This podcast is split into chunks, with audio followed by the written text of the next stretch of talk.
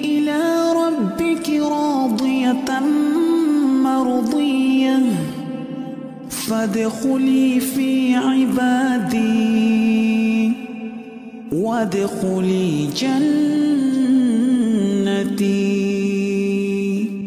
Baik Ustadz, mungkin sebelum kita melakukan sesi tanya jawab, ada yang ingin Ustadz sampaikan secara uh, mungkin benang merahnya dari sesi kita pada pagi hari ini. Tafadol Ustaz. Bismillahirrahmanirrahim. Assalamualaikum warahmatullahi wabarakatuh. Assalamualaikum warahmatullahi Alhamdulillah ala ihsanih wa syukru lahu ala taufiqihi wa amtinanih. Asyhadu an la ilaha illallah وحده لا شريك له تعظيما لشأنه وأشهد أن محمدا عبده ورسوله الداعي إلى رضوانه صلى الله عليه وعلى آله وصحبه وإخوانه أما بعد أيها الإخوة بارك الله فيكم ya, ini adalah sesi khusus ya seperti yang dijelaskan oleh Dr. Aisyah tadi seputar tanya jawab. uh, jadi judulnya ini adalah bayar utang kan masih banyak utang-utang yang belum terbayar pertanyaan jadi kali ini anak mau bayar insya Allah. Uh, cuman apakah bisa semuanya lunas atau enggak? Nah ini kita lihat nanti. Ala hal terkait dengan sesi kali ini ada satu atau dua hal yang mungkin anak akan sampaikan sebagai mukaddimah. Yang pertama uh, talabul ilm itu terjadi ada kalanya karena pertanyaan. Nah, ilmu yang kita dapatkan ini sering didorong oleh munculnya suatu pertanyaan. Oleh karena itu, mari kita ihtisabun niyah. Kita meluruskan niat, kita mengatur niat kita dalam kajian kita pagi hari ini saya ingin ikut serta dalam mendapatkan pahala nasrul ilm atau ta'limul ilm, mengajarkan ilmu, menyebarkan ilmu, itu dengan menyiapkan pertanyaan-pertanyaan yang baik, yang penting, yang urgen, yang manfaat. Karena Nabi SAW dalam hadis yang diriwayatkan oleh Syekhan, ah, oleh Imam Muslim, afwan, dalam sahihnya ya, hadis yang ma'ruf itu hadisnya Jibril, di akhir hadis beliau kan bertanya kepada Sayyidina Umar bin Khattab radhiyallahu anhu, "Ya Umar, atadri man as-sa'il?" Qal Allah wa rasuluhu a'lam. Tahu gak Umar tadi siapa yang bertanya itu? Ya, bukan tadi ya karena itu pertanyaan ini ditanyakan oleh Rasul Umar tiga hari setelah selesainya peristiwa itu. Nah, ketika ditanya, kamu tahu nggak siapa yang tempo hari itu bertanya-tanya tentang Islam, iman, ihsan, tentang hari kiamat, tanda-tandanya? Kata, kata Umar, Allah dan Rasul yang lebih tahu. Dijawab oleh Rasulullah, huwa Jibril, atakum yu'allimukum dinukum. Dialah Jibril yang datang kepada kalian untuk mengajarin kalian tentang agama kalian. Padahal yang banyak berbicara di sini adalah Rasulullah SAW. Jibril cuma tanya, ya, akhbirni anil Islam, akhbirni anil iman, akhbirni anil ihsan, akhbirni anil sa'ah, akhbirni an amaratiha. Udah, lima pertanyaan yang dia tanyakan. Penjelasan yang panjang itu adalah dari Rasulullah SAW. Tapi Nabi menyandarkan penjelasan ini juga kepada Jibril. Atakum yu'allimukum. Dia datang kepada kalian untuk ngajarin kalian. Jadi orang yang menyebabkan munculnya sebuah penjelasan ilmiah, munculnya sebuah kajian, ya sehingga banyak orang yang tadi yang nggak tahu jadi tahu tentang masalah ini, dia akan mendapatkan ajar, mendapatkan pahala seperti yang menyampaikan itu sendiri. Jadi jangan malu-malu untuk bertanya, jangan uh, jangan juga bertanya pertanyaan-pertanyaan yang tidak bermutu juga ya, kan sayang gitu. Jadi siapkan pertanyaan-pertanyaan yang berbaik, yang terbaik, pertanyaan-pertanyaan yang bisa diamalkan. Jadi salah satu kriteria pertanyaan yang baik itu adalah yang jawabannya ini bisa diamalkan, baik amalannya amalannya berupa amalan uh, lahir ataupun amalan batin. Ya, adapun pertanyaan-pertanyaan yang jawabannya itu ya tahu ataupun nggak tahu nggak begitu manfaat, maka sebaiknya dihindari. Ya, pertanyaan-pertanyaan yang tidak bisa diamalkan jawabannya contoh, Ustadz siapa tuh nama anjingnya Ashabul Kahfi? Kita tahu nggak tahu kan nggak ada masalah. Siapa tuh nama-namanya Ashabul Kahfi? Nggak ada nggak ada faedahnya tanya begini-begini. Nah, jadi kita perlu untuk belajar eh, menyiapkan pertanyaan yang baik karena itu juga akan menimbulkan manfaat yang besar dan pahalanya juga akan mengikuti tentunya. Mungkin itu dok, barakallahu saat ini sudah ada wah banyak beberapa. Dan juga ada yang raise hand. Tapi mungkin anak eh, ke kolom chat dulu ya Ustadz ya. Afan Ustadz Hafizullah Ta'ala, Ana izin bertanya, jenis-jenis amalan apakah yang menjadi sebab nama kita dihapus dari daftar penghuni neraka dan agar nama kita hanya terdaftar dalam penghuni surga Firdaus? Mohon penjelasannya Ustadz. Baik. Yang pertama, amalan yang bisa menyelamatkan kita dari neraka dan memasukkan kita ke dalam surga adalah tauhidullah azza wajal. Ya, karena banyak sekali dalil yang menjelaskan tentang hal ini. Di antaranya adalah hadis qudsi yang sangat terkenal dalam Arba'in Nawawiyah juga juga ada hadisnya ya bena Adam innaka law ataitani biqurabil ardi la tusyriku bi syai'a la ataituka biqurabiha maghfiratan wala ubali.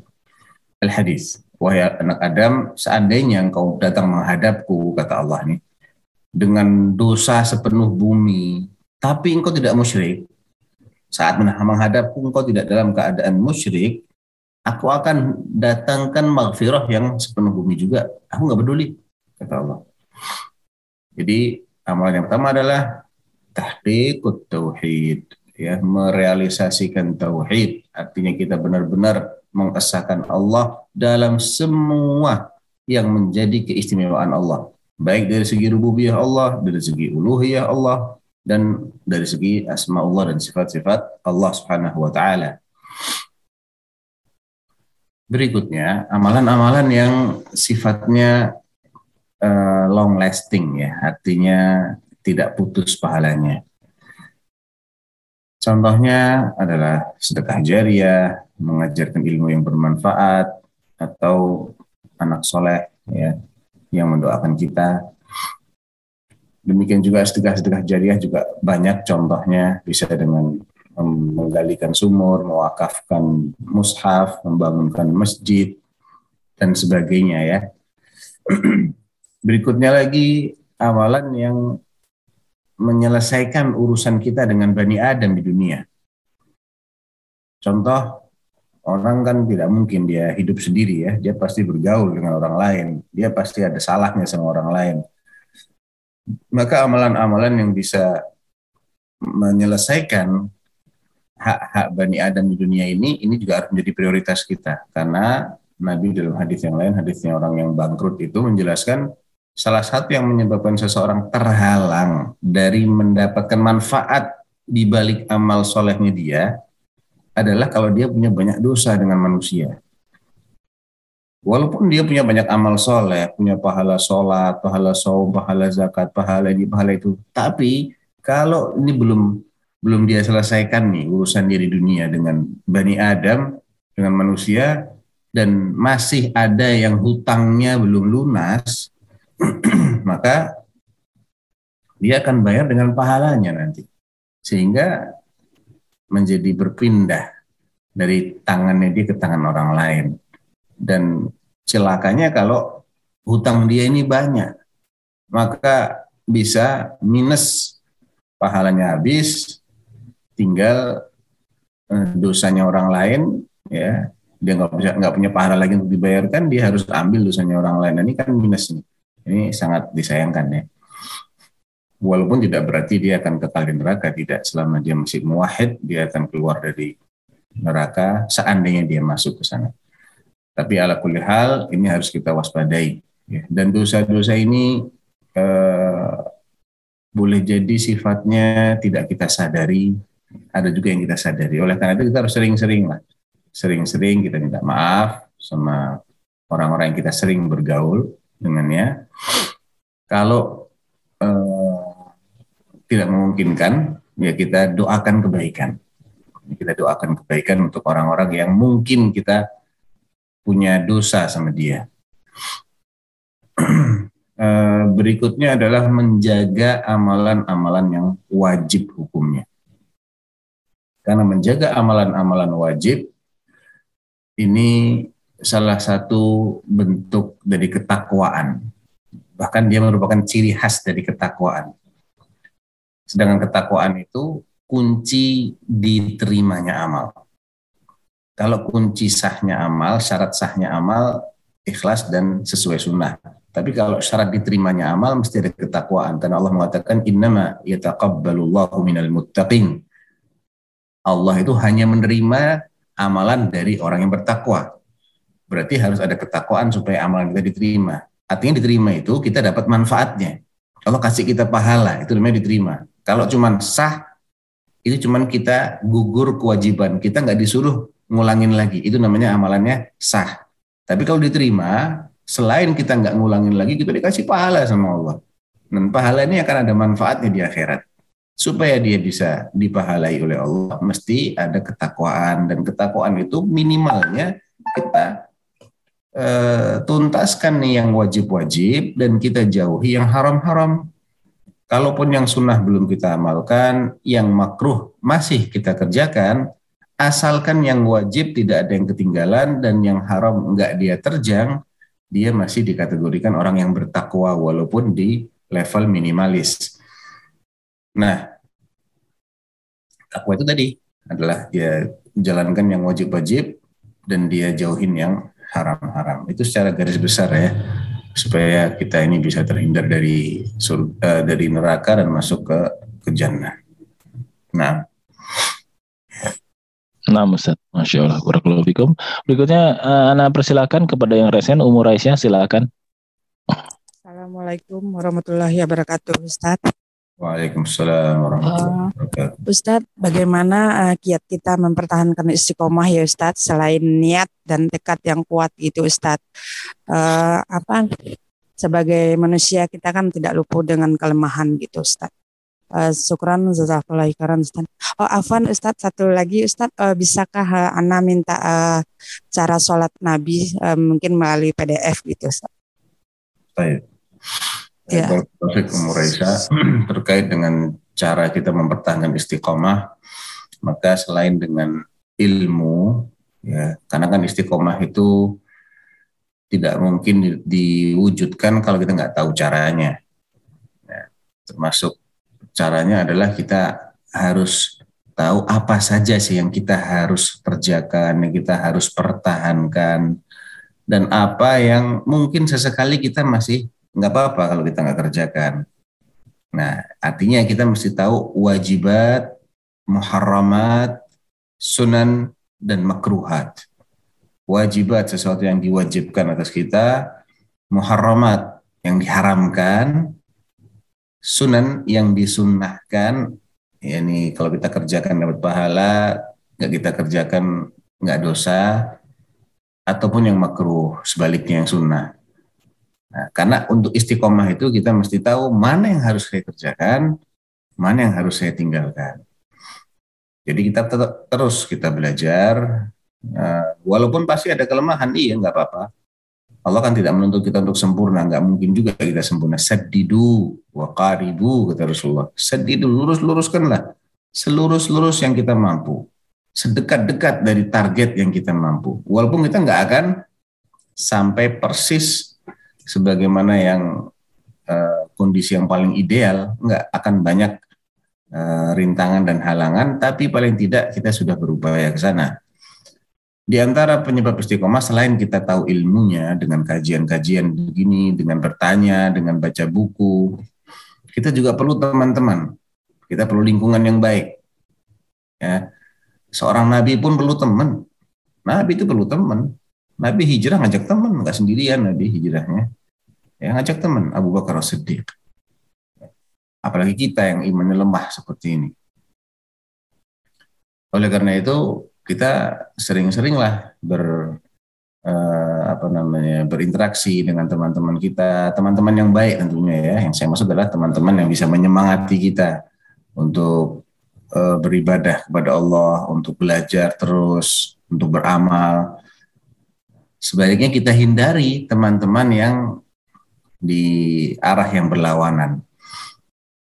Karena Nabi SAW mengatakan, Al-mar'u ala dini khalilihi, falyanzur ahadukum man yukhalil.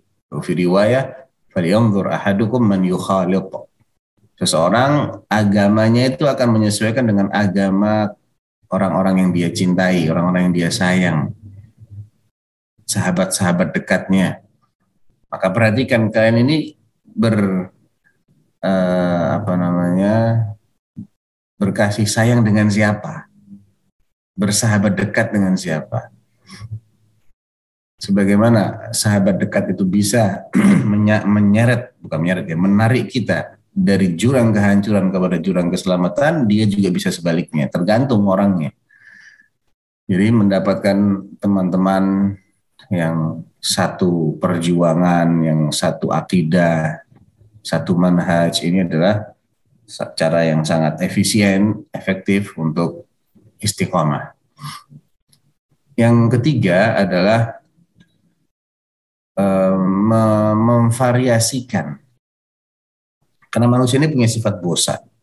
Kadang kalau dia itu hanya mengerjakan satu model saja, dia bosan. Nah, bosan ini rentan dengan putus di tengah jalan, tidak dilanjutkan ini namanya nggak istiqomah. Ya walaupun tidak istiqomah ini tidak berarti dia langsung celaka, tergantung dalam hal apa dulu. Kalau dalam hal-hal yang sifatnya sunnah, ya itu tidak akan mencelakai dia, insya Allah ya. Tapi kalau yang sifatnya wajib kan bahaya.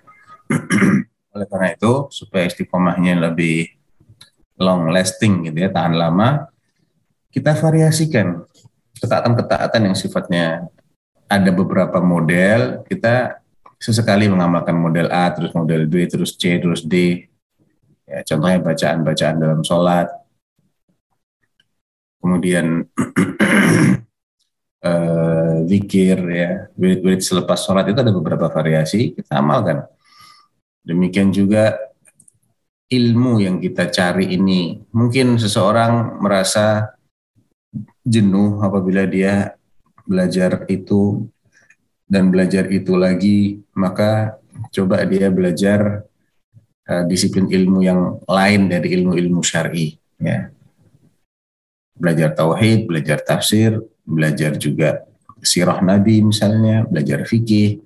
Nah, dengan adanya variasi ini, itu akan mengusir kejenuhan. Itu barangkali ya, secara garis besar, amalan-amalan yang insya Allah akan membantu kita untuk istiqomah. Adapun kitab yang dalam PDF saya mesti cari dulu saya jarang cari-cari kalau dalam bahasa Indonesia emang nggak nggak sebanyak yang dalam bahasa Arab ya saya mesti cari dulu nanti ya. Nah Ustaz jazakallah khair atas uh, jawabannya berikutnya Abi Firni uh, silahkan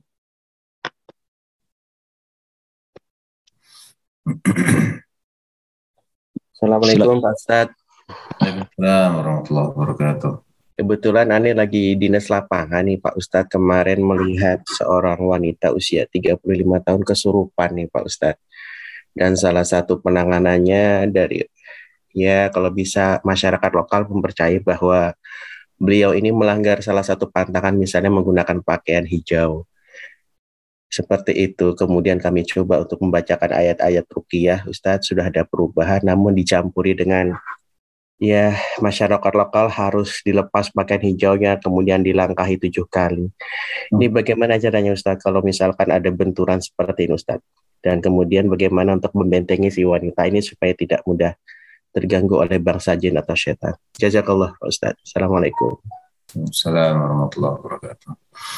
Ya itu salah satu penyebabnya adalah keyakinan masyarakat itu yang menyebabkan pengaruhnya akan semakin kuat ya itu hurufatnya itu yang bikin dia kesurupan dan hurufatnya lebih berbahaya daripada kesurupannya kalau saya melihat seperti itu hurufatnya masyarakat ini lebih berbahaya daripada kesurupannya karena ini menyangkut eh, keyakinan siapa yang bisa memberi manfaat dan siapa yang bisa mendatangkan mudarat. Kalau dia yakini ada selain Allah dengan sendirinya bisa seperti itu, wah ini masuk kategori syirik akbar.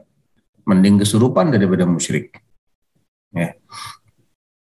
Adapun untuk membentengi ya ini juga kembali kepada masyarakatnya mau nggak dia berakidah yang benar. Kalau nggak mau ya Anda jelaskan saja ini tidak boleh punya keyakinan seperti ini kalau mereka muslim ya. Kalau mereka non muslim ya eh, mungkin pendekatannya beda lagi.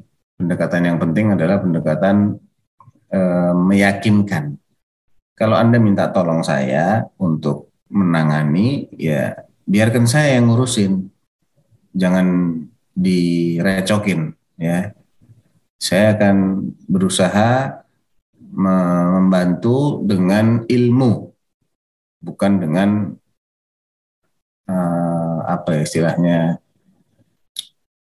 uh, bahasa Indonesia hurufat itu apa ya? Ya bukan bukan dengan perdukunan lah, mungkin pakai istilah perdukunan yang agak keren gitu sekarang ya. Dan saya akan membantu dengan ilmu sesuai dengan metodologi penanganan orang-orang yang kesurupan. Ya mohon yang lain-lain jangan ikut campur. Kalau enggak ya sudah Anda nggak usah nggak usah merasa berdosa ketika orang ini tidak bisa dibantu karena memang dalam posisi ini ada yang menghalang-halangi. E, caranya biar orang nggak kesurupan. Cara ada tapi nggak nggak menjamin ya. Karena itu juga ada unsur ibtila ujian dari Allah Subhanahu Wa Taala. Kesurupan itu adalah bagian dari eh, penyakit yang tentunya ada hikmah di balik itu. Nabi pernah didatangi oleh seorang wanita yang menderita sara ya. Sara itu bisa diterjemahkan ayan bisa diterjemahkan kesurupan dua-duanya pakai istilah sarak. Kadang di, diterjemahkannya ayan, kadang diterjemahkannya kesurupan. Nah, perempuan ini minta agar Rasulullah SAW mendoakan supaya dia disembuhkan oleh Allah Subhanahu wa taala. Maka Nabi mengatakan, kalau engkau mau, aku akan doakan. Tapi kalau engkau mau yang lebih afdol lagi, engkau bisa bersabar dan itu pahalanya lebih besar. Maka dia pun memilih untuk bersabar. Tapi dia minta doakan supaya ketika aku kesurupan atau kambuh penyakitku ini, aku tidak membuka-buka auratku. Karena ketika itu dia di luar kendali dirinya. Nah, orang yang ayan itu bisa nggak, dok? Ini anak tanya sama antum, dok. Orang yang hmm. ayan itu bisa nggak dia menyingkap auratnya? Yang menyingkap secara sengaja mungkin enggak ya, tapi secara tidak sengaja besar kemungkinannya. Besar kemungkinannya. Iya. Hmm bisa saja itu. Seperti orang kesurupan berarti ya? ya. Iya, hmm. tapi akan ada sebab sebab organik ya kalau epilepsi itu artinya sebab-sebab medisnya ada. Kalau kesurupan mungkin kita nggak tahu uh, sebabnya yang secara medisnya gitu. Hmm. Tapi secara kemungkinannya mungkin ya? Mungkin, mungkin sekali. Orang-orang ayan, orang ayan. Iya. Ya. Bukan ayan itu kejang-kejang. Epilepsi. Ayan itu kan kejang toh? Kejang. Tapi kejang itu kan variasi Ustaz. ada yang kejang hanya bengong aja gitu. Ada yang dia kejangnya kaku aja. Ada yang kejang kelojotan gitu. Nah tergantung tipe kejangnya seperti itu Ustaz. tipe kejangnya. Baik. Jadi memang ada dua kemungkinan. Anak anak sini juga kadang-kadang bingung ini ayan ayan atau kesurupan? Karena secara bahasa sara. Sara hmm. sur'a itu usra. Itu bisa ayan bisa kesurupan. Hmm ala kulihal eh, mungkin salah satu caranya adalah sebagaimana yang disindir dalam hadis ini kita doa kepada Allah supaya Allah menyembuhkan kita atau paling tidak ya dengan dengan bacaan-bacaan rukyah dengan menjauhkan diri dari hal-hal yang memicunya. Kalau kesurupan itu kan biasanya karena lemahnya iman ya biasanya, tapi tidak selalu ada kalanya itu murni ujian dari Allah. Dia di diuji aja oleh Allah Subhanahu wa taala, diganggu oleh jin, ada hikmah yang tentunya di balik itu. Mungkin dia disihir, diguna-guna sehingga kesurupan. Dan biasanya guna-guna sihir itu juga ada ada faktor yang melatar belakanginya. Mungkin Yang saya sering dengar adalah karena persaingan ya, dengan orang-orang yang tidak baik. Tapi kita kita jangan takut, jangan takut kita dengan begini-begini. Justru mereka itu akan kuat kalau kitanya takut sama yang begini. Takutnya sama Allah. Karena sihir itu tidak akan ber, tidak akan mempan bagi orang-orang yang kuat imannya. Ya, wa ta'allamuna uh, wa ma hum bihi min ahadin illa biiznillah. Mereka berdua yang ketika itu mengajarkan bagaimana tentang sihir itu dan bagaimana yang bukan sihir, dijelaskan adalah mereka tidak akan bisa mencelakai siapa pun kecuali atas izin Allah. Jadi yang yang menyebabkan sihir mereka mempan ataukah tidak mempan itu adalah takdirnya Allah bukan sihirnya itu sendiri. Ya, bukan sihirnya itu sendiri. Jadi kita jangan takut sama tukang sihir, jangan takut sama dukun, jangan takut sama jin, ya takutnya sama Allah Subhanahu wa taala. Kalau Allah berkenan uh, kejahatan mereka itu mengenai kita, pasti ada hikmah di balik itu. Mungkin karena kita yang lagi lalai, mungkin karena kitanya kurang istiqomah. Nah, kita mesti introspeksi di situ. Tapi jangan sekali-kali takut dengan mereka. Justru mereka itu akan semakin berpengaruh kalau ada orang-orang yang percaya dengan kekuatan semu mereka. Allah mengatakan uh, di surat apa itu? Hmm, aduh, nah lupa ya. Ntar nah, nanti ayatnya. Intinya pengaruhnya syaitan itu hanya kepada orang-orang yang uh, walinya. Innama dzalikumus syaitanu Ah, bukan, bukan itu ya. Oh, di surat Al-Jin. Di surat Al-Jin Allah mengatakan uh, apa itu ayatnya? Hmm. wa annahu kana rijalun minal insi ya'udzuuna birijalin minal jinni fazaduhum rahaqa. Dan bahwasanya sejumlah laki-laki dari kalangan manusia itu mencari perlindungan, minta perlindungan kepada beberapa jin. Maka sikapnya manusia kepada jin ini menjadikan jin ini semakin menjadi-jadi dalam kesesatannya dalam gangguannya karena dia merasa ada yang takut sama dia, ada yang butuh pelindungan dia. Dan pasti orang yang butuh pelindungan kepada jinnya kan lupa untuk minta dilindungi oleh Allah. Dan Allah tidak akan melindungi ketika dia sudah mencari pelindungan dari yang lain. Allah nggak mau diduakan sama sekali. Oleh karena itu kita mesti uh, hindari yang begini-begini. Akidahnya mesti diberesin Ya, kalau masih percaya sama hurufat ya pasti disurupin. Nggak disurupin pun dia udah udah lebih parah daripada orang yang kesurupan. Gitu. Jadi jinnya cuma ketawa-ketawa aja. Nggak disurupin nih orang udah lebih parah daripada orang kesurupan. Udah dapet target ya. Jadi memang itu kan mulainya dari dari masalah akidah semua itu. Nah, Mang Ustadz, ya, ya menarik karena tidak ber, apa namanya tidak terlalu lama. Emang ada juga kasus yang heboh ya yang artinya di secara ilmiah dibongkar perdukunan ini. Jadi tadi khurafat bawah sadar itu memang begitu terbuka jadi orang ya, apa eh, tidak tidak menganggap lagi itu. Itu menjadi penting secara uh, mungkin psikis ya Ustaz kalau dari sisi kita Uh, ini berikutnya Ustaz, uh, ada akhwat yang bertanya mengenai hadis yang menyebutkan malaikat akan mendoakan orang yang menyambung dan menutup, soft-soft saat sholat Ustaz. Nah, lalu bagaimana dengan perempuan yang sebaik-baiknya soft itu di belakang? Manakah yang lebih utama? Apakah perempuan tersebut memenuhi soft bagian depan atau mengambil soft di bagian belakang, Ustaz? Ya, ya dibalik saja. Itu kan perintah itu hukum asalnya memang perintah itu berlaku sama antara laki-laki dengan perempuan. Ini hukum asalnya ya. Uh, artinya apa yang diperintahkan bagi laki-laki otomatis diperintahkan juga bagi wanita, kecuali kalau ada aturan yang membedakan. Nah, sekarang kita melihat kepada uh, khairu sufufir rijal awwaluha wa khairu sufufin nisa akhiruha. Sebaik-baik saf laki-laki kata Rasulullah adalah yang paling depan dan sebaik-baik saf perempuan adalah yang paling belakang. Kalau konteks ini dilihat dari suasana masjid di masa beliau, kan ini beliau bercerita tentang saf dalam sholat berjamaah. Saf dalam sholat berjamaah yang biasanya itu terjadi di masjid dan masjid Rasulullah ketika itu tidak menggunakan hijab yang tinggi yang yang kita kenal ya yang benar-benar menutup. Ya tapi kelihatan saja jamaah itu yang sholat di belakang masih terlihat yang belakang ya bisa melihat yang depan. Oleh karena itu Nabi memberikan anjuran di sini agar berada paling jauh lah.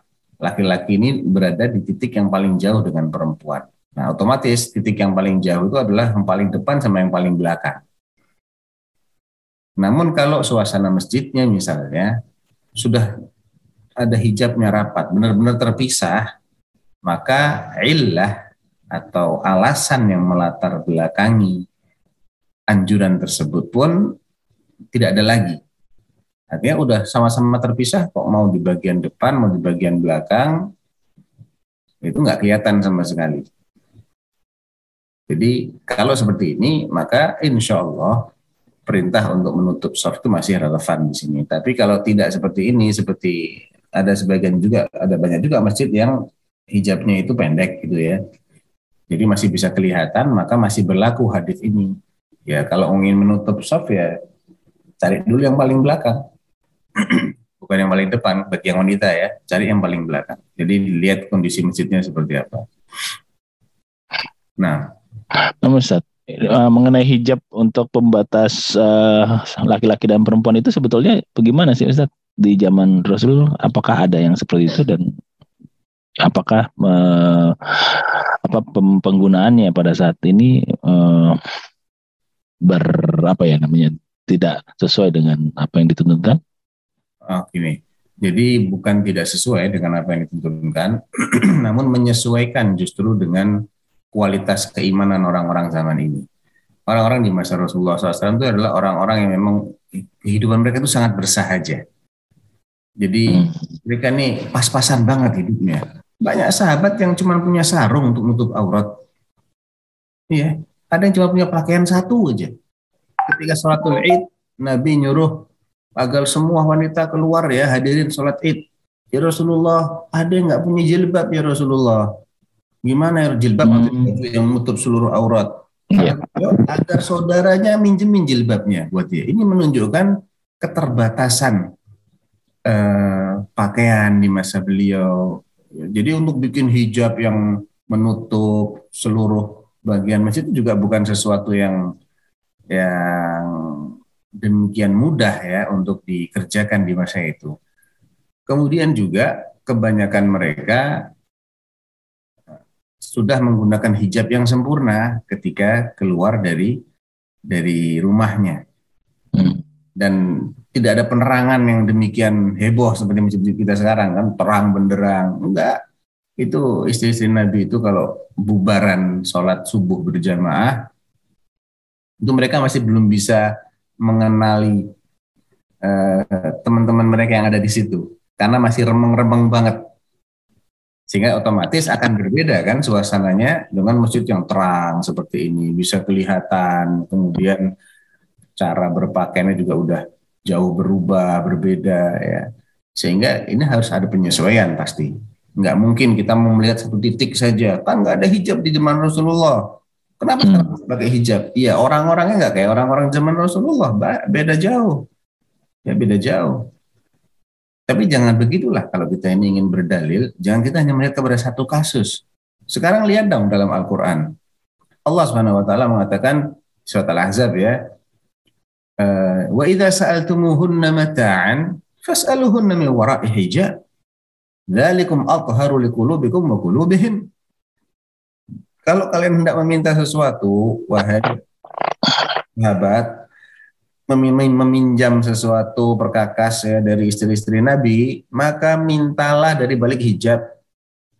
Coba kita renungin ayat ini. eh, misalnya nih ya, Bunda Aisyah, misalnya kalau dalam bahasa Indonesia ya, Hmm. Bunda Aisyah pinjem wajannya dong, misalnya gitu. Hmm. Butuh waktu berapa, berapa lama sih ngomong begitu? Iya cepet ya. Nah itu kan detik, itu aja suruh minta dari balik hijab. Kenapa? Dzalikum athhar liqulubikum wa qulubihim. Itu akan lebih menjaga kebersihan, kesucian hati kalian dan hatinya istri-istri Nabi. Pertanyaannya, apakah ada orang yang dikecualikan dari keharusan untuk menjaga kebersihan hatinya? Kan nggak ada.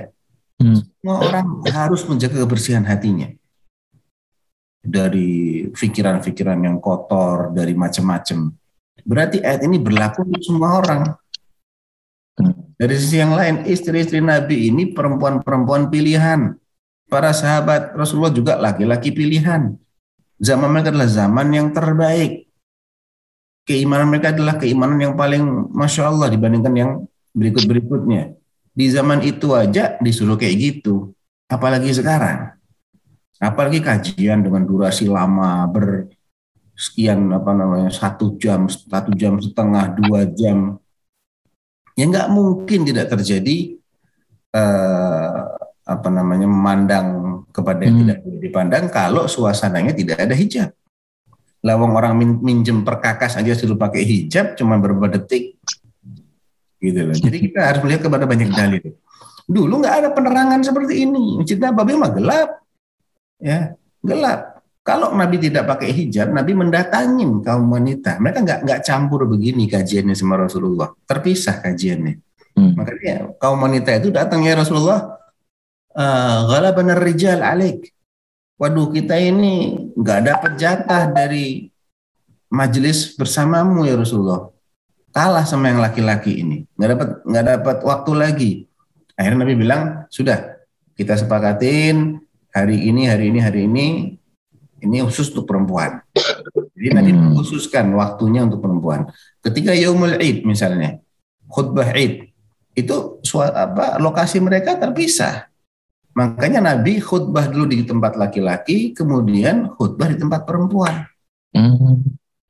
Begitu nabinya. Karena emang tidak memungkinkan suara itu untuk sampai dalam satu kali teriakan suara terpisah. Ini menunjukkan terpisah. Nabi sengaja datang. Datang ya ma'asyaran nisa itasaddaqna. Hai kaum wanita, sedekahlah kalian karena aku melihat kalian ini banyak yang jadi penghuni neraka. Faqamat imra'atun eh, apa namanya? Saf'aul khaddain. Hmm. Tiba-tiba ada satu perempuan yang berdiri yang pipinya ada kehitam-hitamannya. Orang-orang yang berusaha untuk mengatakan menutup wajah itu tidak wajib, mereka berdalil di antaranya dengan dengan hadis ini. Tuh pipinya kelihatan hitam kata hadisnya. Ada kehitam-hitaman dalam pipinya. Nah ini dijelaskan juga oleh sebagian ulama. Hitamnya pipi itu ada beberapa kemungkinan. Kok bisa kelihatan oleh si perawi hadis? Ada beberapa kemungkinan. Pertama, seperti yang kalian asumsikan, dia memang tidak menutup wajahnya. Oke? Tapi coba lagi. Perempuan pipinya hitam itu cantik nggak kira-kira? Ya, dengan pipinya dikasih merah, dikasih make up, ya. Lah, gitu loh. Yang kedua, ada kemungkinan orang ini ketika berbicara, ya penutup wajahnya itu tersingkap karena angin, ya, sehingga kelihatan hitamnya itu. Oleh karena itu tidak ada dalil yang sifatnya qat'i yang menunjukkan para sahabiah di masa itu tuh bermudah-mudahan seperti yang kita yang kita asumsikan hari ini. Beda, beda sekali jauh berbeda. Mereka itu kalau keluar begitu ayat hijab itu turun kata Aisyah, semoga Allah merahmati wanita-wanita Ansar. Ketika ayat hijab itu turun, mereka semuanya mengenakan pakaian yang menutup sekujur tubuh mereka sehingga nampaknya hitam seperti eh, apa namanya burung gagak ya keluar rumah itu seperti ada pada burung gagak gitu saking tertutupnya semuanya nah Nah, Ustaz, Masya Allah. Baik, uh, Umu Bara silakan bertanya saya langsung. Assalamualaikum warahmatullahi wabarakatuh, Ustaz. Waalaikumsalam warahmatullahi wabarakatuh. Oh, begini Ustaz, kan sekarang ini lagi marak LGBT itu ya Ustaz. Uh, anak punya kekhawatiran karena anak-anak laki-laki semua jadi uh, tadinya niatnya udah pengen mondokin jadi setelah selesai SD harus di pondok nih karena kan ilmu ilmu kami terbatas jadi kami memang sangat butuh pondok gitu kan cuma dengan berita kayak gini uh, khawatirnya jadi berlebih gitu Ustaz jadi apa ya yang harus kami siapkan untuk uh, melepas mereka nanti gitu kalau memang harus dipondokkan gitu loh Ustaz Ya. Jazakallahu khair. Ya. Barakallahu fiqh atas pertanyaannya dan kegelisahannya yang ini adalah sesuatu yang insya Allah menjadi pertanda masih hidupnya iman ya. Orang kalau imannya masih hidup, masih sehat, dia akan gelisah dengan hal-hal uh, semacam ini. Hanya saja kegelisahan ini juga harus diporsikan sesuai pada porsinya jangan sampai kita uh, berlebihan dalam menyikapi. Contoh berlebihan itu adalah karena kita terlalu khawatir, akhirnya kita meng mengasumsikan bahwa kalau masuk pondok mesti akan terjadi LGBT. Nah harusnya kita ini memiliki data yang akurat ya kan tidak sama antara satu pesantren dengan pesantren lain dan berapa jumlah santri di situ, berapa jumlah kasus LGBT yang terjadi. Ini yang perlu kita kita apa istilahnya eh, kita renungi dulu. Misal ada sebuah pesantren yang sudah berdiri selama 20 tahun misalnya. Jumlah santri yang sudah belajar di situ ada total mungkin dari tahun pertama sampai tahun terakhir udah ribuan lah. Mungkin bisa dibilang sepuluh ribu atau lebih dari itu bahkan. Berapa kasus LGBT yang tercatat seandainya seandainya ya dari total sepuluh ribu siswa yang pernah nyantri di situ yang tercatat mengalami eh, atau melakukan perbuatan tercela ini ada 10 orang. Tentunya ini kan satu banding seribu. 0,001. Ya. Artinya ini jangan kita sikapi dengan waduh kalau begitu anak saya menjadi yang 0,001 ya udah saya nggak masuk ke pesantren sini Oke, nggak masuk ke pesantren. Terus masuknya yang tidak pesantren. Nah ini juga tidak ada jaminan juga mereka akan terbebas dari itu. Nggak ada. Ya, karena eh, yang lebih dicari dari sebuah pesantren itu adalah lingkungan, lingkungan yang internal yang tidak banyak berinteraksi dengan dunia luar, akses-akses eh, sosmednya juga dibatasi di situ ada pantauan. Ya, karena memang di luar tuh lebih berbahaya. Seandainya di luar tuh lebih safe sekolah di luar maksud saya ya sekolah pulang pergi pulang pergi itu lebih safe daripada yang boarding niscaya pesantren tidak akan berkembang sepesat ini ini menunjukkan dari sisi yang lain bahwa boarding itu lebih overall ya lebih terjaga lebih aman untuk perkembangan perilakunya anak daripada yang tidak seperti itu. Bahkan saya dapat kabar ada sekolah yang sekolah umum ketika buka pendaftaran cuma satu muridnya yang daftar. Kesian banget gitu. Cuma satu yang daftar. Ya, jadi ini karena memang sudah bergeser beda dengan dengan zaman anak dulu ya tahun 90-an ya mungkin ya 90 hampir 2000 di bawahnya 2000 lah. Itu orang masih eh, apa masih sekolah favorit sekolah ini tapi sekarang sudah pada lari ke pesantren karena memang dia melihat keterbukaan ini bahaya sekali. Hatta di rumah pun juga kalau nggak ada yang mengontrol kan susah dia bisa mengakses internet dia bisa buka ini buka itu macam-macam lah Jadi kita jangan terlalu eh, was-was, jangan terlalu takut, tapi pilihkan pesantren yang reputasinya lebih baik. Yang kedua, eh, berdasarkan pengalaman ya, pengalaman anak pribadi walaupun belum lama ngurusin pesantren, tapi adalah sedikit pengalaman dan ini juga didukung oleh dalil. Eh, Allah Subhanahu wa taala berfirman begini. ada ada beberapa ayat ya, di antaranya innahum kanu qabla dzalika mutrafin wa kanu yusirruna 'ala al-hinthil 'azim. Itu di surat apa itu? Uh, wait.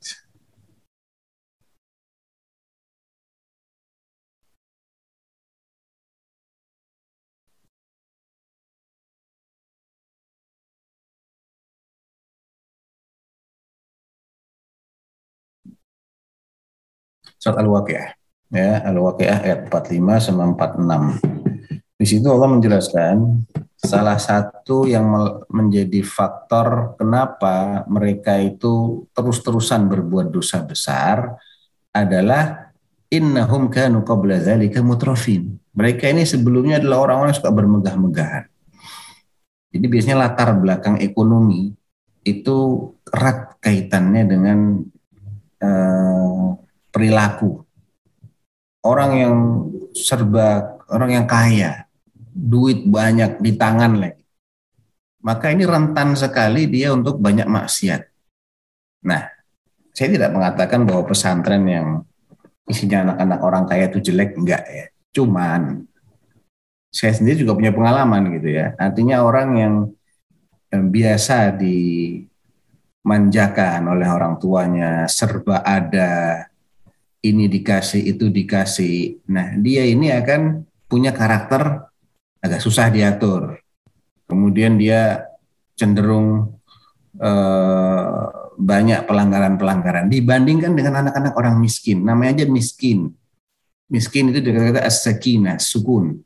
Nggak banyak tingkah dia. Karena dia mau, mau, mau ngapain dia? Duit kagak ada. Ya. Ntar kalau kenapa-kenapa diproses sama polisi dia nggak bisa bayar-bayar penjara dia makanya dia cenderung tidak tidak banyak berulah dan saya dapati memang yang banyak punya masalah itu justru memang anak-anak orang kaya karena tadi itu bukan karena semata-mata kayanya karena biasanya anak orang kaya ini dimanja. Nah, jadi kalau ingin cari pesantren mungkin salah satu tipsnya ya cari pesantren yang eh, tidak terlalu banyak di diisi oleh anak-anak orang kaya. Karena biasanya agak susah di dibatasin itu susah. Apalagi kalau udah anak udah kaya, anak pejabat lagi, aduh susahnya luar biasa itu. Minta ampun susahnya. Karena eh, orang kalau merasa aman dari hukuman, dia akan kurang ajar. Ada pepatah Arab bilang man aminal iqaba asa al adab orang yang merasa aman dari hukuman, wah ini buat bapak gue bos, bapak gue begini, bapak gue begini, dia merasa aman, nggak akan dapat hukuman misalnya, maka dia akan kurang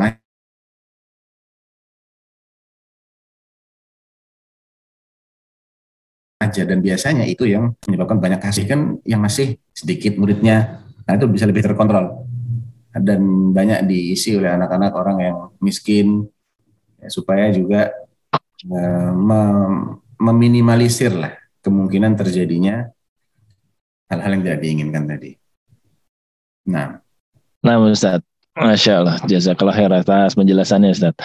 Nah ini ada pertanyaan menarik nih Ustaz. nah, izin bertanya Ustaz, apa hukumnya buket bunga dari uang Ustaz untuk seserahan dalam pernikahan? Harga buket 1,2 juta, tapi total uang di dalam buket bunga itu satu juta dengan upah pembuatan buket dua ratus ribu. Apakah ini termasuk jual beli uang?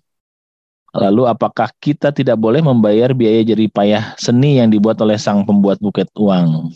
Karena buket itu dihias dengan frame dan pasti ada biaya-biaya lainnya, Ustaz. Mohon pencerahannya. Ya, berarti di sini memang ada dua yang dijual ya. Hmm. Pertama uh, jasanya jasanya buket, ada frame, ada keahlian dia dalam merangkai, dan yang kedua di sini ada uang itu sendiri. Saran Ana begini, eh, misalnya dia ingin merangkai uh, buket uang, tanya aja, ini nanti uh, uang yang dipakai berapa banyak? Hmm. Uh, 1,2 juta atau satu juta. Ya udah kasih duitnya dia. Oh uangnya harus baru. Ya sudah antum cari dulu ke bank tuker duit baru. Mau pecahan berapa aja? 100 ribuan, 50 ribuan atau ada 20 ribu barangkali. Perlunya berapa-berapa. Kita yang ngasih duitnya. Oke. Okay? Dia ngerangkai, kita bayar jasa ngerangkainya. Tapi kalau dijual satu paket begini, ini kayak tukar menukar duit, walaupun tidak semuanya duit, anak kok agak agak nggak nyaman gitu mengatakan boleh gitu aja anak Hmm. agak kurang nyaman karena kita bisa punya solusi yang tidak seperti itu. Kita kasih aja duitnya sekian, eh, tinggal anda beli frame, anda bayar jasa anda itu terserah frame kan boleh dijual, mau dijual lebih tinggi, mau dijual lebih rendah, mau dikasih gratis terserah. Tapi jangan ada tukar menukar uang di situ, seakan-akan ada, tukar menukar uang, eh, kemudian berlebih ya. Gitu. Nah, Ustaz. Cukup jelas nampaknya ya. Baik, berikutnya ada pertanyaan dari seorang ahwat nih Ustaz.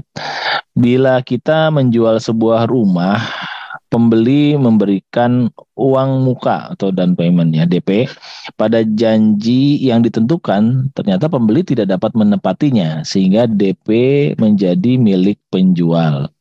Yang saya tanyakan apa hukumnya Ustaz? Yang hal sing seperti itu.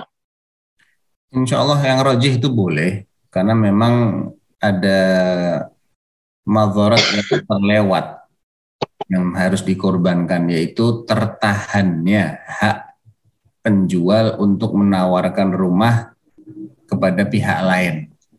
Selama calon pembeli yang pertama itu belum mengkonfirmasi. Dia memberikan DP itu kan supaya ini jangan dijual dulu ke orang lain ya. Biasanya kan ada ada tenggat waktu. Hmm. berapa hari nih? Seminggu deh seminggu. Nah, mana persekotnya nah, karena saya ti- tidak tidak jadi jualan nih seminggu nih. Mungkin akan ada pembeli lain yang nawar dan serius mau beli. Tapi karena ada udah ada ikatan dengan calon pembeli yang pertama saya nggak boleh jual. Nah ini kan berarti dia mengorbankan peluang-peluang Hmm. untuk bisa mendapatkan keuntungan. Nah sehingga itu menjadi menjadi boleh karena hal ini. Nah seandainya dia jadi beli tinggal dipotong. Kan udah ada DP sisanya berapa? Nah begitu nggak apa-apa ada ada kesepakatan seperti itu Baik, Ustaz. Jazakallah khair. Dan berikutnya pertanyaan dari seorang akhwat Ustaz. Jika ya, izin bertanya, kita disunahkan beristighfar beberapa saat menjelang azan subuh. Bolehkah dalam istighfar kita ucapan uc- ucapkan Rabbik firli walid, walidaya dibaca berulang-ulang sehingga sampai azan subuh terdengar. Mohon penjelasannya Ustaz. Nggak ada masalah boleh. Itu bagian dari istighfar kan? Eh, wabil ashari hum yastaghfirun. Di waktu-waktu sahar ya, menjelang subuh itu mereka beristighfar. Dan Allah bighfirli wali walidayya itu juga masuk kategori istighfar. Silahkan mau bilang membaca dengan seperti itu Allahumma ghafirli Allahumma ini astaghfiruka wa atubu ilaik. Misalnya atau rabbi ghafirli warhamni. Intinya ada ada minta ada minta ampunnya lah di situ untuk diri kita atau untuk orang tua kita atau untuk anak-anak kita silahkan bagus nggak ada Hmm. masalah Nah, Ustaz. Pertanyaan berikutnya, Ustaz izin bertanya, apa yang harus dilakukan seorang anak yang kedua orang tuanya melakukan banyak pembatal-pembatal keislaman. Sedangkan di tempatnya sana masih jarang sekali kajian sunnah dan lebih banyak kebidahan. Mohon sarannya, Ustaz. Ya dinasehati dengan lemah lembut Eh, mungkin sebelum dinasehati diluluhkan dulu hatinya dengan perilaku-perilaku baik ya perilaku-perilaku baik atau dengan eh, ya dengan hadiah dan semisalnya ini beberapa saran aja ya. Artinya kita mungkin lebih paham karakter orang tua kita seperti apa. Apa yang kira-kira bisa melunakkan hati mereka yang dihalalkan oleh Allah, kita lakukan itu. Kemudian kita nasihati dengan lemah lembut, ya, tanpa memfonis mereka. Kita berakhlak dengan akhlaknya Nabi Ibrahim. Karena memang kita disuruh kan meneladani beliau. Hmm. Dia tidak tidak memfonis bapaknya, walaupun jelas-jelas bapaknya ini paganis, penyembah berhala. Enggak kamu pasti masuk neraka nanti. Enggak. Inni akhafu ayyamassaka azabu minar rahman. Fatakuna lisyaitani waliya. Terakhirnya nih, diajak mikir nggak mau mikir, diingatkan saya ini punya niat baik, saya ini ada ilmu, kang kamu belum tahu. Ayo tak ajak, tak bimbing, nggak mau juga. Jangan ikut-ikut setan ya. Jangan sampai kita ini meng- mengabdikan diri kita kepada setan. Setan ini eh, apa namanya musuhnya Allah. Terakhir saya khawatir. Ini akhaf. Saya khawatir ayyamassaka adabu minar rahman. Engkau akan disiksa oleh Allah yang maha pengasih dan engkau menjadi walinya syaitan teman dekatnya syaitan. Dia nggak pastikan oh lihat aja lu masuk neraka lo nggak nggak kayak gitu. Hmm. ini adab yang kita pasti jaga. Karena selagi dia masih hidup peluang untuk tobat masih terbuka. Kan kita nggak tahu. Jadi jangan jangan justru kita bangkitkan egonya dia gengsinya dia. Namanya orang tua tuh biasanya punya punya gengsi untuk nurut sama anaknya kan lu kan anak gue ya dulu lu nggak ngerti apa-apa aneh yang sekolahin kok sekarang mau menggurui nah biasanya ada ada ego seperti itu jadi kita mesti lebih hati-hati lebih lemah lembut nah. Paham Ustaz. Masya Allah. Baik. em, berikutnya nih pertanyaan Ustaz. Apabila ada seseorang yang meminjam uang dengan jumlah besar untuk modal usaha, tetapi kemudian dia mengembalikannya dengan dana yang ia pinjam dari bank. Apakah boleh kita terima Ustaz? boleh karena sebabnya udah beda yang pinjem ke bank kan dianya Hmm. kan yang ngutangin itu kan menerima pembayaran hutang. Nggak ada masalah. Karena perbedaan sebab beralihnya harta ya tabadulul asbab katabadulil zat. Kaidahnya begitu. Seperti berubahnya zat. Hmm. dulu misalnya Barirah ada sahabat eh, sahabi ya namanya kalau nggak salah Barirah. Barirah ini eh, seorang wanita. Suatu ketika Nabi mendapati ada semangkuk susu di rumah beliau. Ditanya ini punya siapa ini? Tadinya punya Barirah. Dia disedekahi sama seseorang. Kemudian dia hadiahkan ke kita. Hmm. nah, Nabi bilang eh, hiya laha hadiyah, eh, hiya laha sadaqah walana hadiyah. Nah, buat dia status susu ini adalah sedekah. Kita kan nggak boleh nggak boleh terima sedekah. Nabi kan nggak boleh terima sedekah. Tapi Nabi boleh terima hadiah. Ketika Barirah kemudian menghadiahkannya kepada Rasulullah, seakan-akan dia udah berubah nih. Kayaknya susunya susu lain lagi, bukan susu yang tadi. Karena sebabnya udah beda. Dalil berikutnya, orang Yahudi di masa Rasul terkenal pemakan riba. Jelas dalam surat An-Nisa itu فبظلم من الذين هادوا حرمنا عليهم طيبات أحلت لهم وبصدهم عن سبيل الله كثيرا وأخذهم الربا وقد نهوا عنه وأكلهم أموال الناس بالباطل Intinya mereka ini doyan makan riba, doyan makan harta dengan cara batil. Haram nih. Ini eh, tradisinya orang Yahudi ya. Sampai hari ini. Tapi Nabi muamalah dengan orang Yahudi. Ya, muamalah beli gandum dari mereka begini begitu. Karena apa? Udah beda lagi sebabnya. Si Yahudi Hmm. cari duitnya dia pakai riba. Tapi ketika kita ini akadnya jual beli atau sewa menyewa, maka sudah berbeda lagi. Sampainya duit ini ke tangan Rasulullah atau barang ini ke tangan Rasulullah itu dalam konteks jual beli. Hmm. Jadi tidak ada masalah di sini. Namun Ustaz, cukup jelas nampaknya ya. Baik, Ustadz nih mengenai pembagian harta bersama eh, jika terjadi perceraian, nah, apakah ada perbedaan di kalangan ulama? Saya nggak pernah tahu tuh apa istilahnya harta bersama itu. Gono gini gini gono. Iya, artinya harus didefinisikan dulu. Hmm. Mungkin ada benernya, tapi ini harus jelas dulu duduk perkaranya. Dari awal itu milik siapa? Kan ada kejelasan gitu. Apakah dibeli bareng-bareng dan dimilikin bareng-bareng? Nggak ada masalah. Kalau memang itu itu terjadi berarti ini syirkah namanya. Ini harta yang dimiliki secara bersama. Mungkin porsi sahamnya beda, tapi tidak satu orang saja yang memiliki. Saya dulu juga ingin beli juga suami saya kekurangan duit misalnya, mau beli rumah dari suami 200 juta, dari istri 100 juta. Nah, si istri ini dari awal ngasih duit ke suaminya atau ikut beli rumah. Kalau dia ngasih duit, ya udah deh Pak, saya kasih duit dari saya. Ini ngasih ya, bukan utang. Bukan syirkah, berarti ya udah ngasih. Suami tidak wajib bayar kepada istrinya.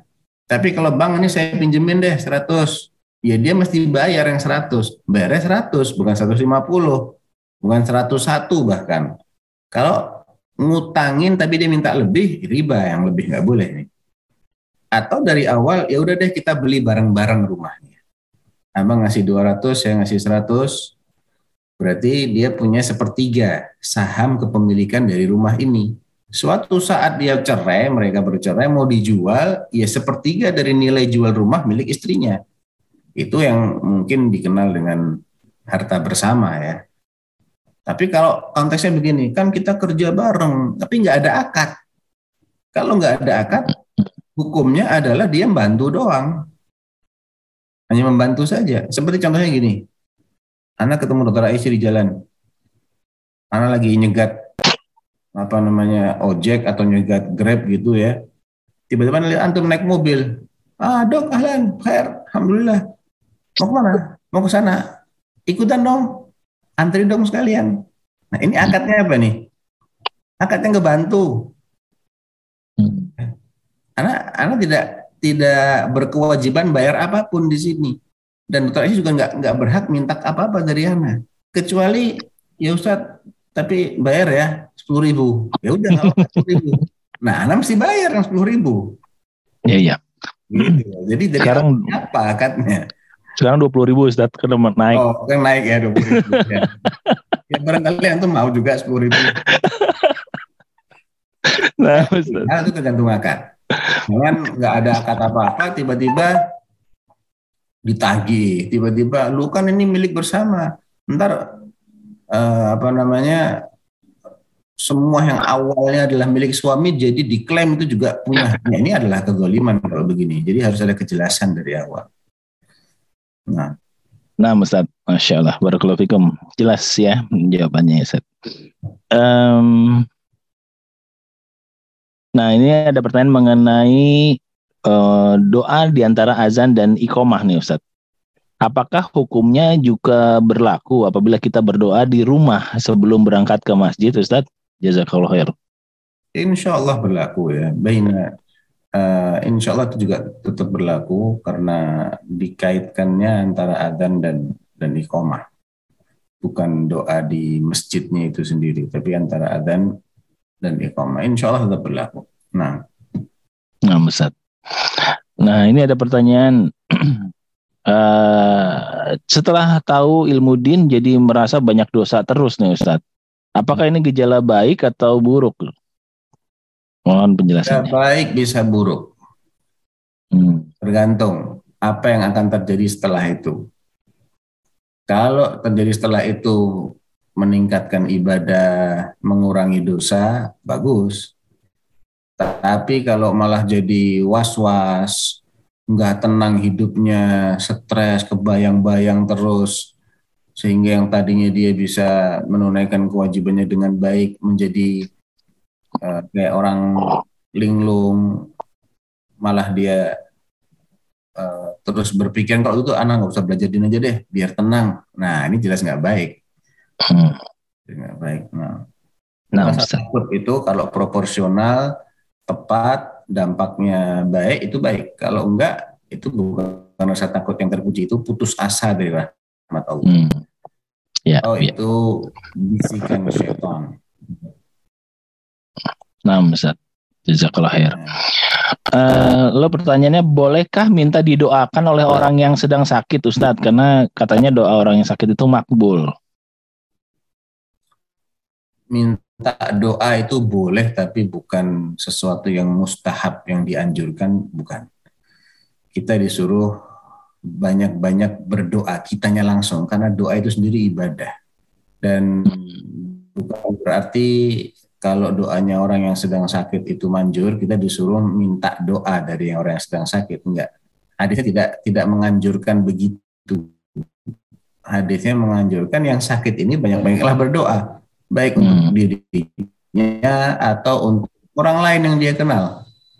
Jadi bukan orang yang berkunjung ini dianjurkan untuk minta doa dari orang yang sedang sakit, enggak. Dia berkunjung untuk ibadah lain yaitu ibadah eh, iyadatul marada ya termasuk haknya seorang muslim kan di antara Hmm. hak seorang muslim adalah kalau sakit kita eh, kunjungi kita besuk ya, kita besarkan hatinya dan itu akan kita disolawatin oleh malaikat 70 ribu malaikat dari pagi sampai sore ya kalau dia berkunjungnya di pagi hari kalau di sore hari ya semalaman dia disolawatin sampai paginya.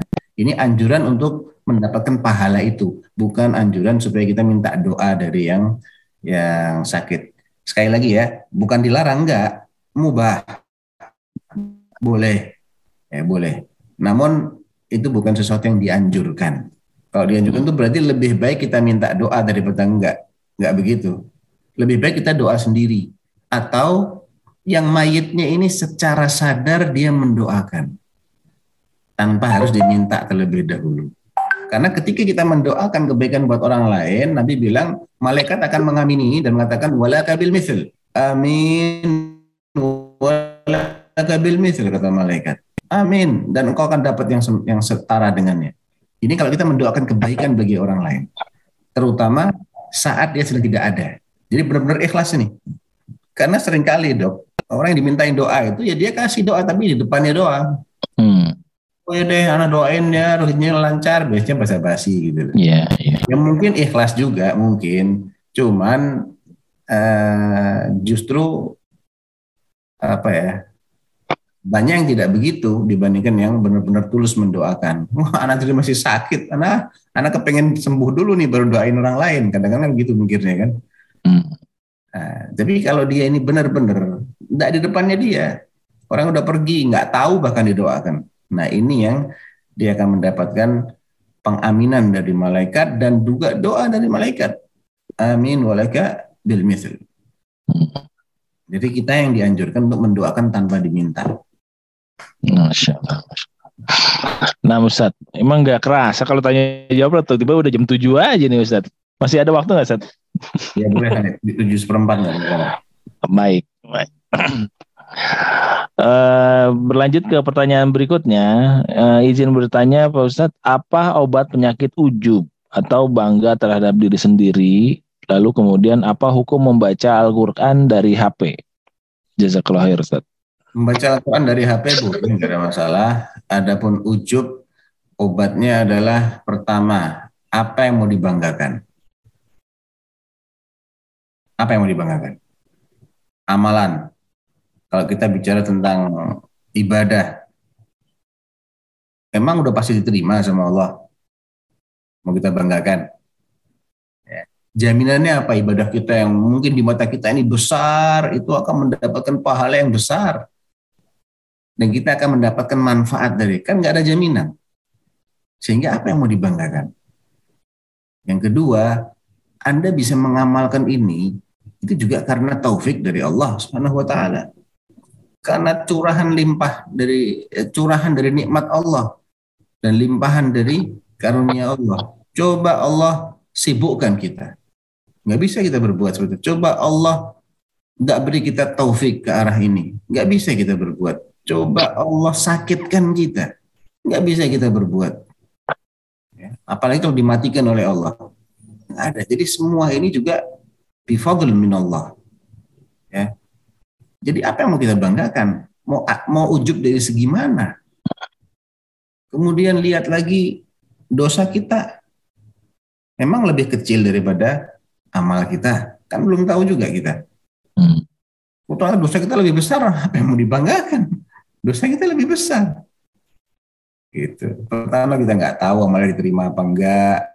Yang kedua itu juga semuanya karunia Allah ya kemudahan-kemudahannya dari Allah, jalan-jalannya Allah yang memudahkan, ilmunya Allah yang ngasih, kesehatannya Allah yang ngasih, kesempatannya juga Allah yang ngasih. Yang ketiga, kita nggak tahu juga ini kalau dibandingkan dosa kita mana yang lebih banyak. Jadi buat apa sih ujub?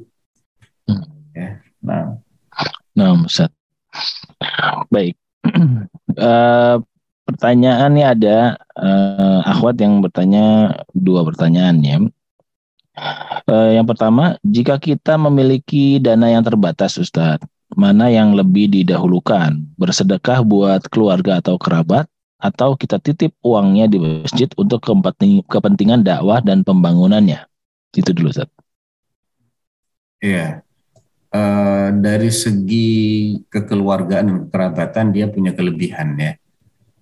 Karena Nabi SAW Allah SWT mengatakan wa ulul arhami ba'duhum awla bi ba'din fi kitabillah.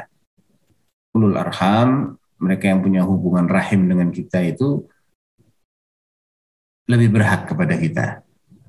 Jadi mereka punya hak lebih banyak daripada orang yang tidak punya hubungan kekerabatan dari sisi ini ya. Dari segi kekerabatan ini, dari segi nasab kekeluargaan. Ya kita lihat aja ketika misalnya kita menunda uh, uang ini untuk kita berikan kepada keluarga dan karib kerabat. Mereka men mendapatkan mazharat secara langsung ataukah ada orang lain yang nantinya juga akan memberi kepada mereka. Artinya mereka ini keluarganya banyak, gak cuma saya. Ada fulan, fulan, fulan, fulan. Dia juga biasa ngasih kok. Ya, tiap bulan ngasih gitu ya. Seandainya saya tidak ngasih bulan ini, mereka tetap bisa survive, bisa hidup normal. Ya paling tadinya belinya sekian, belinya berkurang dikit. Tapi masih ada yang menolong. Nah, masjid ini bagaimana?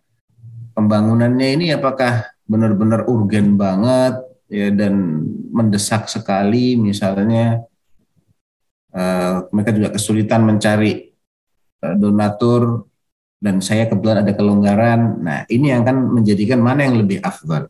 Jadi tidak ada sesuatu yang sifatnya mutlak tergantung dari situasi dan kondisinya. Tapi kalau kebaliknya, masjid ini banyak donaturnya. Kalau saya nggak nyumbang, tetap ada orang lain yang akan nyumbang di sini. Ya, pengurusnya juga sudah nyebar proposal ke mana-mana. Pengguna masjidnya juga banyak dan dia di komplek yang orang-orangnya itu mampu dan mereka juga membutuhkan masjid ini untuk cepat selesai. Artinya pasti mereka akan turun tangan. Lain dengan kalau ini masjid di daerah terpencil yang kenal hanya beberapa orang.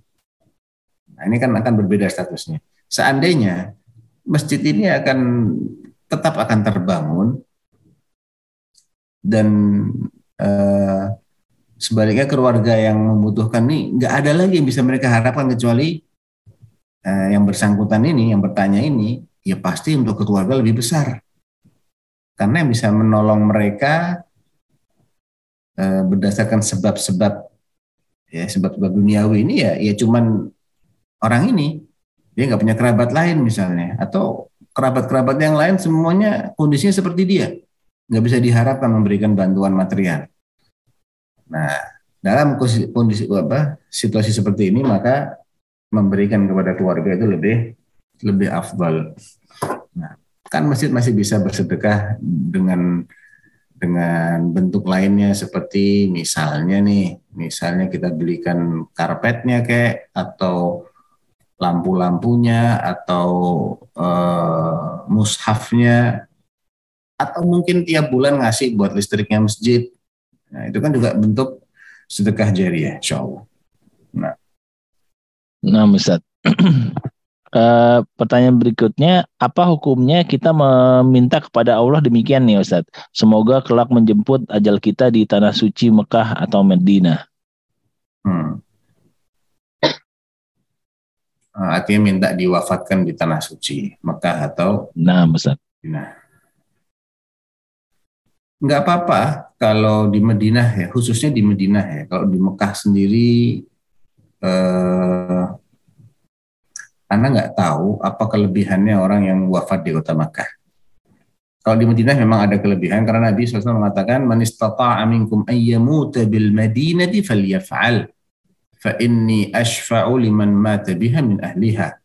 Siapa di antara kalian yang bisa matinya itu di Madinah, hendaklah dia upayakan.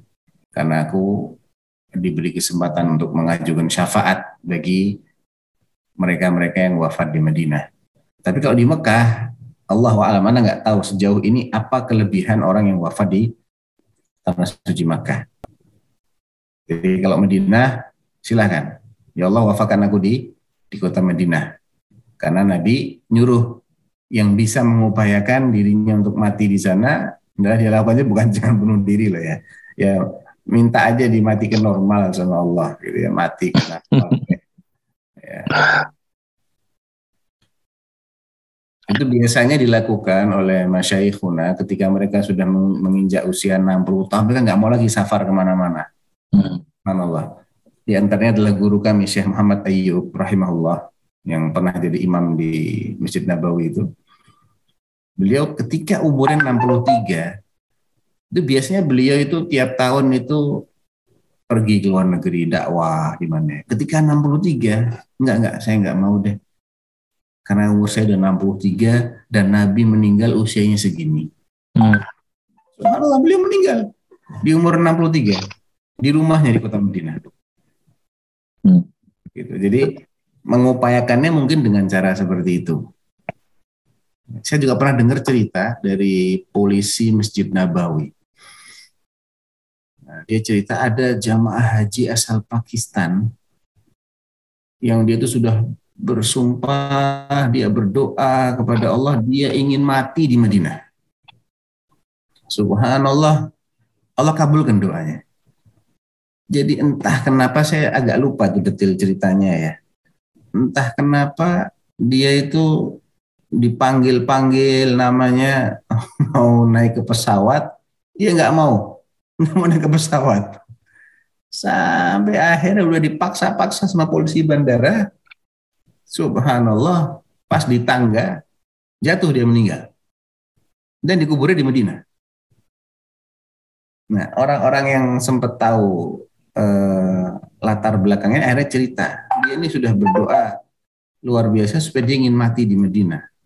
Jadi dia dia melakukan hal seperti itu. Tapi saya tidak tidak katakan ini bagus ya, enggak karena akan membuat orang lain eh, jadi dapat kerjaan gitu ya atau tertunda keberangkatannya.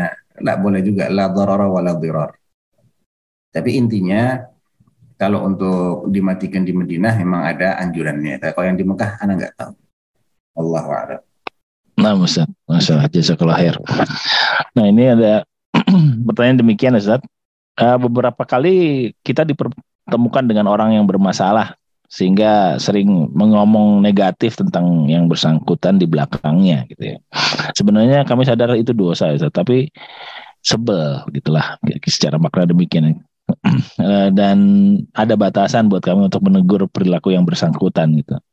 Nah, pertanyaannya apakah ada dua nih? Apakah eh, ada transfer pahala antara kami ke yang bersangkutan dan apakah yang bersangkutan tetap berdosa dengan perilakunya? Nah, tentunya kalau pembicaraan ini dalam rangka memperingatkan, ya, memang itu hukum asalnya me- menyebut menyebut seseorang dengan hal-hal negatif, ya, sedangkan dia tidak ada di situ, itu adalah riba. Dan hukum asal riba itu adalah dosa. Hanya saja ada enam kondisi di mana riba itu eh, diperbolehkan karena ada kemaslahatan yang lebih besar di balik itu. Di antaranya adalah dalam rangka mentahzir, memberi peringatan tentang keburukan seseorang terhadap orang-orang yang belum mengenal orang ini. Kalau kita sebutkan nanti dia jadi korban. Kita mesti sebutkan. Nah, ketika kita akan sebutkan itu kita yang proporsional. Jangan melebar ke sana ke sini. Udah yang perlu aja untuk kita sebutkan itu yang kita sebutkan. Kita lihat si fulan ini lagi deket-deket ya. Kita tahu ini orang ada masalah nih sama misalnya muamalahnya bermasalah dia. Dia suka minjem utang, utang, utang tapi nggak dibayar. Alasan-alasan begini begitu. Kita udah tahu nih udah beberapa kali si fulan suka begitu. Nah, kita lihat loh kok dia sekarang berteman dengan si fulan yang yang teman kita ini yang kayaknya belum kenal dengan karakternya Fulan ini, ya kita kasih tahu antum uh, diharapkan hati-hati ya kalau si Fulan minjem duit, hati-hati ya karena kami punya pengalaman begini begini. Minta jaminan. Nanti khawatirnya duitnya nggak kembali karena udah banyak korbannya. Udah, gitu aja. Yang penting untuk kita sampaikan itu yang kita sampaikan. Jangan melebar ke mana-mana. Atau itu disampaikan kepada pihak yang berwenang untuk menghentikan perilaku menyimpang itu. Misal, sesama staf, dia punya atasan, dan atasan ini bisa menegur si Fulan. Kalau kita nggak bisa, kita nggak punya wewenang di situ. Kalau kita sampaikan ke atasan, Pak, tolong si Fulan ini melakukan begini-begini dan itu mengganggu yang lain, merugikan kami. Nah itu nggak apa-apa. Ini namanya mutazalim, orang yang mengeluhkan kezoliman orang lain terhadap dirinya. Ya, tapi juga sekali lagi proporsional, sesuai dengan yang perlu disampaikan saja. Wah Pak Siflan ini suka begini, suka begitu, yang nggak ada hubungan dengan dengan masalah ini, jangan. Ya, hal-hal yang tidak ada hubungannya tidak perlu di, disampaikan di situ. Gitu dok. Masya Allah, Masya Allah. Ustaz, ini masih banyak pertanyaan. Kayaknya mesti ada sesi khusus nih Ustaz ya untuk tanya jawab ya. Ya. Jadi masih ada kurang lebih 10 pertanyaan lagi. Baik, tapi udah eh, 15 menit setelah eh, lewat dari jam 7 bahkan ya. Yeah. Nah, eh, mungkin terakhir Ustaz hmm. eh, apa namanya? Wah, ikhtitam dari uh, kajian kita pada uh, pagi hari ini. Kepada Ustaz. Baik, uh, Barakallahu Fik. Ya, sebagai penutup, tentunya uh, Anda juga akan terima kasih ya sama Dr. Aisy dan juga teman-teman sekalian, ikhwani wa akhwati fillah yang telah berpartisipasi dalam me, apa, me, mendorong Eh, jawaban-jawaban ini untuk keluar karena dengan pertanyaan-pertanyaan itulah kita jadi tahu jawabannya apa. Mudah-mudahan ini menjadi amal soleh kita semua. Amin. Jangan pernah bosan untuk bertanya dan memperbaiki kualitas pertanyaan kita masing-masing. Tadi yang lihat udah cukup bagus pertanyaan-pertanyaannya yang sifatnya amaliyah semua ya. Uh, mudah-mudahan nanti kita bisa lanjutkan yang tersisa di pertemuan berikutnya. Dan yang benar tentunya dari Allah adapun yang salah dari diri anda sendiri Allah taala alam wa ahkam. Sallallahu ala nabiyina Muhammad wa ala alihi wa sahbihi wasallam Assalamualaikum warahmatullahi wabarakatuh. Irji'i ila rabbiki radiyatan فادخلي في عبادي. وادخلي جنتي.